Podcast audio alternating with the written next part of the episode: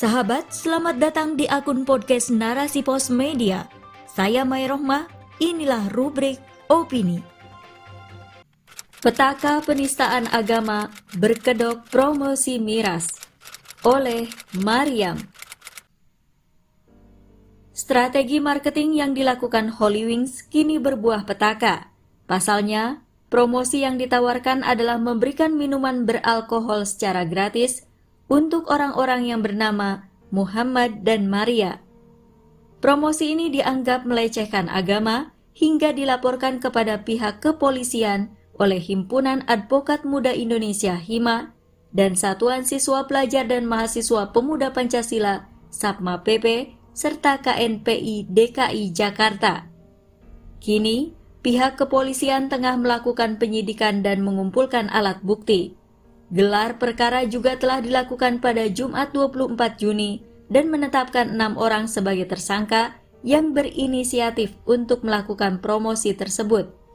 Bahkan, saat ini polisi telah memasang polis lain di kantor pusat Holy Wings di Serpong, Tangerang Selatan.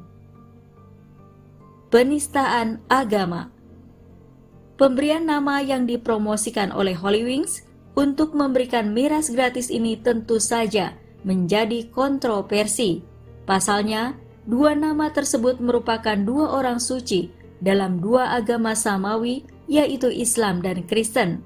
Di dalam Islam, Muhammad adalah nama nabi terakhir, sementara Maria merupakan nama dari ibu Yesus.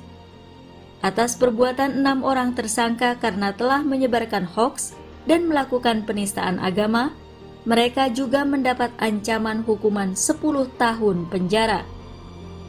Sementara dari pihak Holy Wings menyampaikan permintaan maaf sehari sebelum penetapan tersangka pada Kamis 23 Juni. Menurutnya, unggahan tersebut tanpa diketahui oleh pihak manajemen, melainkan oleh tim promosi sendiri. Holy Wings meminta izin untuk memperbaiki hal ini dan akan memberikan sanksi kepada enam orang tersangka tersebut. Dalam dunia sekuler kapitalistik ini, memang kasus pelecehan agama kerap terjadi, hanya variasinya saja beragam. Jika kasus sebelumnya pelecehan agama untuk dijadikan konten memonetisasi masyarakat, atau bahkan dijadikan gambar kartun dan saat ini dijadikan promosi minuman keras. Sekularisme yang melahirkan paham bahwa aturan kehidupan harus dipisahkan dari aturan agama, menjadikan standar kehidupan manusia bukan lagi berdasarkan hukum syariat, melainkan atas asas kebebasan yang mereka agung-agungkan untuk mendapatkan keuntungan. Mereka merasa bebas dan tidak takut ketika menuliskan nama Muhammad dan Maria untuk dijadikan promosi minuman keras, juga Sistem kapitalisme yang berorientasi pada pencapaian materi membuat manusia menghalalkan segala cara untuk meraih tujuannya tanpa peduli apakah tindakannya benar atau salah. Seperti pernyataan pihak Holy Wings terkait promosi kontroversi yang dilakukan tim kreatif dan promosi menyatakan bahwa motif konten perihal nama Muhammad dan Maria adalah untuk menarik pengunjung, sebab Pengunjung di klub itu kini persentase penjualannya di bawah target 60%. Oleh karena itu, akar masalah di sini adalah adanya sistem sekuler kapitalisme yang menjadikan sistem kehidupan manusia saat ini. Negara dalam sistem kapitalisme ini tentu saja tidak bisa melindungi kemuliaan agama, khususnya Islam. Sekalipun terdapat sanksi untuk penista agama, namun nyatanya kejadian ini terus berulang dan tidak memberikan efek jerah, sebab hukuman dalam sistem ini bisa dengan mudah dibeli dan dimanipulasi. Bagaimana Islam menghentikannya? Berbeda jika sebuah negara menerapkan syariat Islam dalam bingkai khilafah, karena khilafah merupakan institusi pelaksana hukum syariat, maka pelaku penista Rasulullah Shallallahu Alaihi Wasallam dalam Islam akan dihukum sesuai dengan sanksi yang diterapkan dalam syariat, sebab perbuatan tersebut termasuk dalam kemaksiatan, dan setiap kemaksiatan dalam Islam dinilai sebagai perbuatan kejahatan yang harus diberi sanksi. Sebagaimana dalam firman Allah Subhanahu wa taala dalam Quran surat At-Taubah ayat 61. Dan orang-orang yang menyakiti Rasulullah akan mendapat azab yang pedih. Ayat ini dengan tegas menyatakan bahwa orang-orang yang menghina Rasulullah Shallallahu alaihi wasallam akan mendapatkan azab yang sangat pedih kelak di akhirat.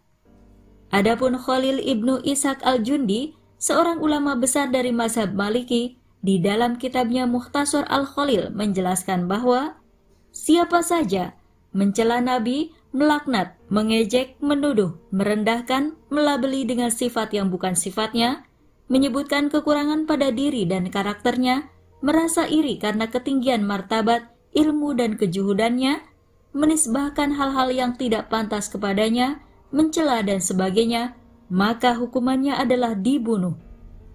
Di antara hadis riwayat Abu Dawud dari Ali bin Abi Thalib radhiyallahu an menyatakan, ada seorang wanita Yahudi yang sering mencela dan menjelek-jelekan Nabi, oleh karena perbuatannya itu, maka perempuan itu telah dicekik sampai mati oleh seorang laki-laki. Ternyata Rasulullah Shallallahu Alaihi Wasallam menghalalkan darahnya. Inilah ketentuan dan sanksi yang akan diberlakukan oleh khilafah kepada orang-orang muslim yang menghina Nabi Shallallahu alaihi wasallam.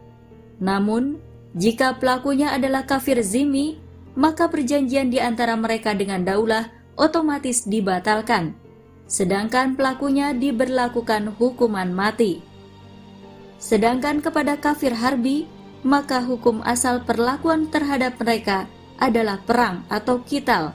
Siapa pun yang melakukan pelecehan terhadap Nabi Shallallahu Alaihi Wasallam akan diperangi, sebagaimana yang dilakukan oleh Sultan Abdul Hamid II ketika beliau mengultimatum Prancis dan Inggris yang hendak mengadakan pertunjukan teater karya Voltaire yang menghina Nabi Muhammad Shallallahu Alaihi Wasallam. Beginilah cara khilafah menuntaskan kasus penistaan agama agar tidak terjadi berulang. Wallahu a'lam bishawab.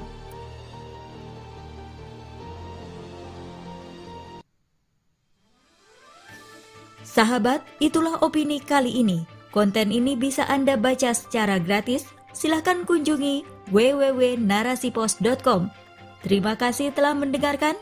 Saya Maya Rohmah. Sampai jumpa di episode berikutnya. Narasi Pos, cerdas dalam literasi media, bijak menangkap peristiwa kunci.